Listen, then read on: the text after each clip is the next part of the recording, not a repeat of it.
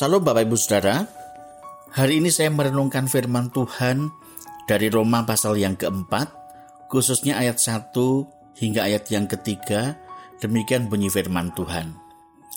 Jadi apakah akan kita katakan tentang Abraham, bapa leluhur jasmani kita?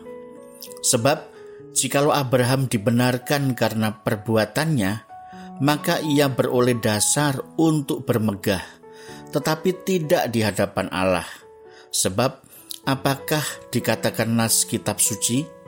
Lalu percayalah Abraham kepada Tuhan dan Tuhan memperhitungkan hal itu kepadanya sebagai kebenaran. Anugerah Allah membuat kita bisa percaya dan dibenarkan. Bapak Ibu Saudara, apa yang membuat kita mudah mempercayai sesuatu hal? Biasanya, jika kita telah melihat hal tersebut secara langsung nyata terpampang di depan mata kita. Setelah melihat bukti nyata, baru kita percaya akan hal tersebut. Nah, Paulus menghadapi orang-orang Roma yang sangat mengagungkan pengetahuan rasio dalam masyarakat mereka. Bagi masyarakat Roma waktu itu, seorang filsuf lebih berperan penting membimbing dan mengajarkan berbagai pengetahuan di tengah masyarakat, sehingga mereka lebih percaya pengetahuan rasio sebagai Tuhan. Hal tersebut menarik minat mereka daripada berbicara tentang pribadi Allah.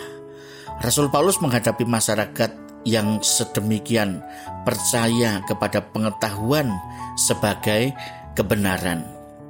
Paulus membuktikan kepada pendengarnya bahwa semua orang, baik orang Yahudi yang agamis ataupun orang Yunani yang rasionalis, kita semua adalah orang berdosa. Ini adalah sebuah kenyataan. Tidak ada seorang pun yang benar di hadapan Allah oleh karena dosa.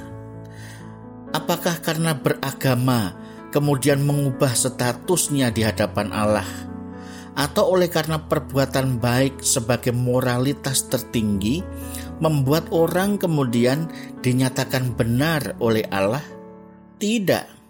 Semua orang telah berdosa di hadapan Allah oleh karena pelanggarannya dan tidak ada seorang pun yang dapat menolong mereka. Semua orang sedang berjalan menuju kebinasaan kekal Bahkan pengetahuan tertinggi pun tidak bisa menemukan jalan keluar terhadap persoalan utama dari kebutuhan mereka, yaitu untuk memperoleh kehidupan, kecuali dari pihak Allah. Dan inilah berita baiknya bahwa Allah memberi anugerah. Inilah berita yang mengejutkan sekaligus kabar baik bagi semua orang yang mendengar waktu itu di Roma dan semua orang yang sedang mencari kebenaran bahwa Allah beranugerah bagi semua orang, baik orang Yahudi maupun orang Yunani. Melalui karya penebusan Kristus di kayu salib, kematian dan kebangkitannya memberi status baru bagi orang yang percaya, yaitu orang-orang yang dibenarkan oleh Allah bukan karena berbuat baik, oleh karena pengetahuan moralitas tertinggi, ataupun karena mengejar ritual keagamaan yang ketat, melainkan semua orang yang percaya pada pemberitaan Injil yang disampaikan oleh Paulus. Saudara-saudara, hari-hari ini kita diberi waktu yang cukup oleh Tuhan melalui pandemik virus corona, virus COVID-19 ini untuk memikirkan ulang tentang kehidupan kita.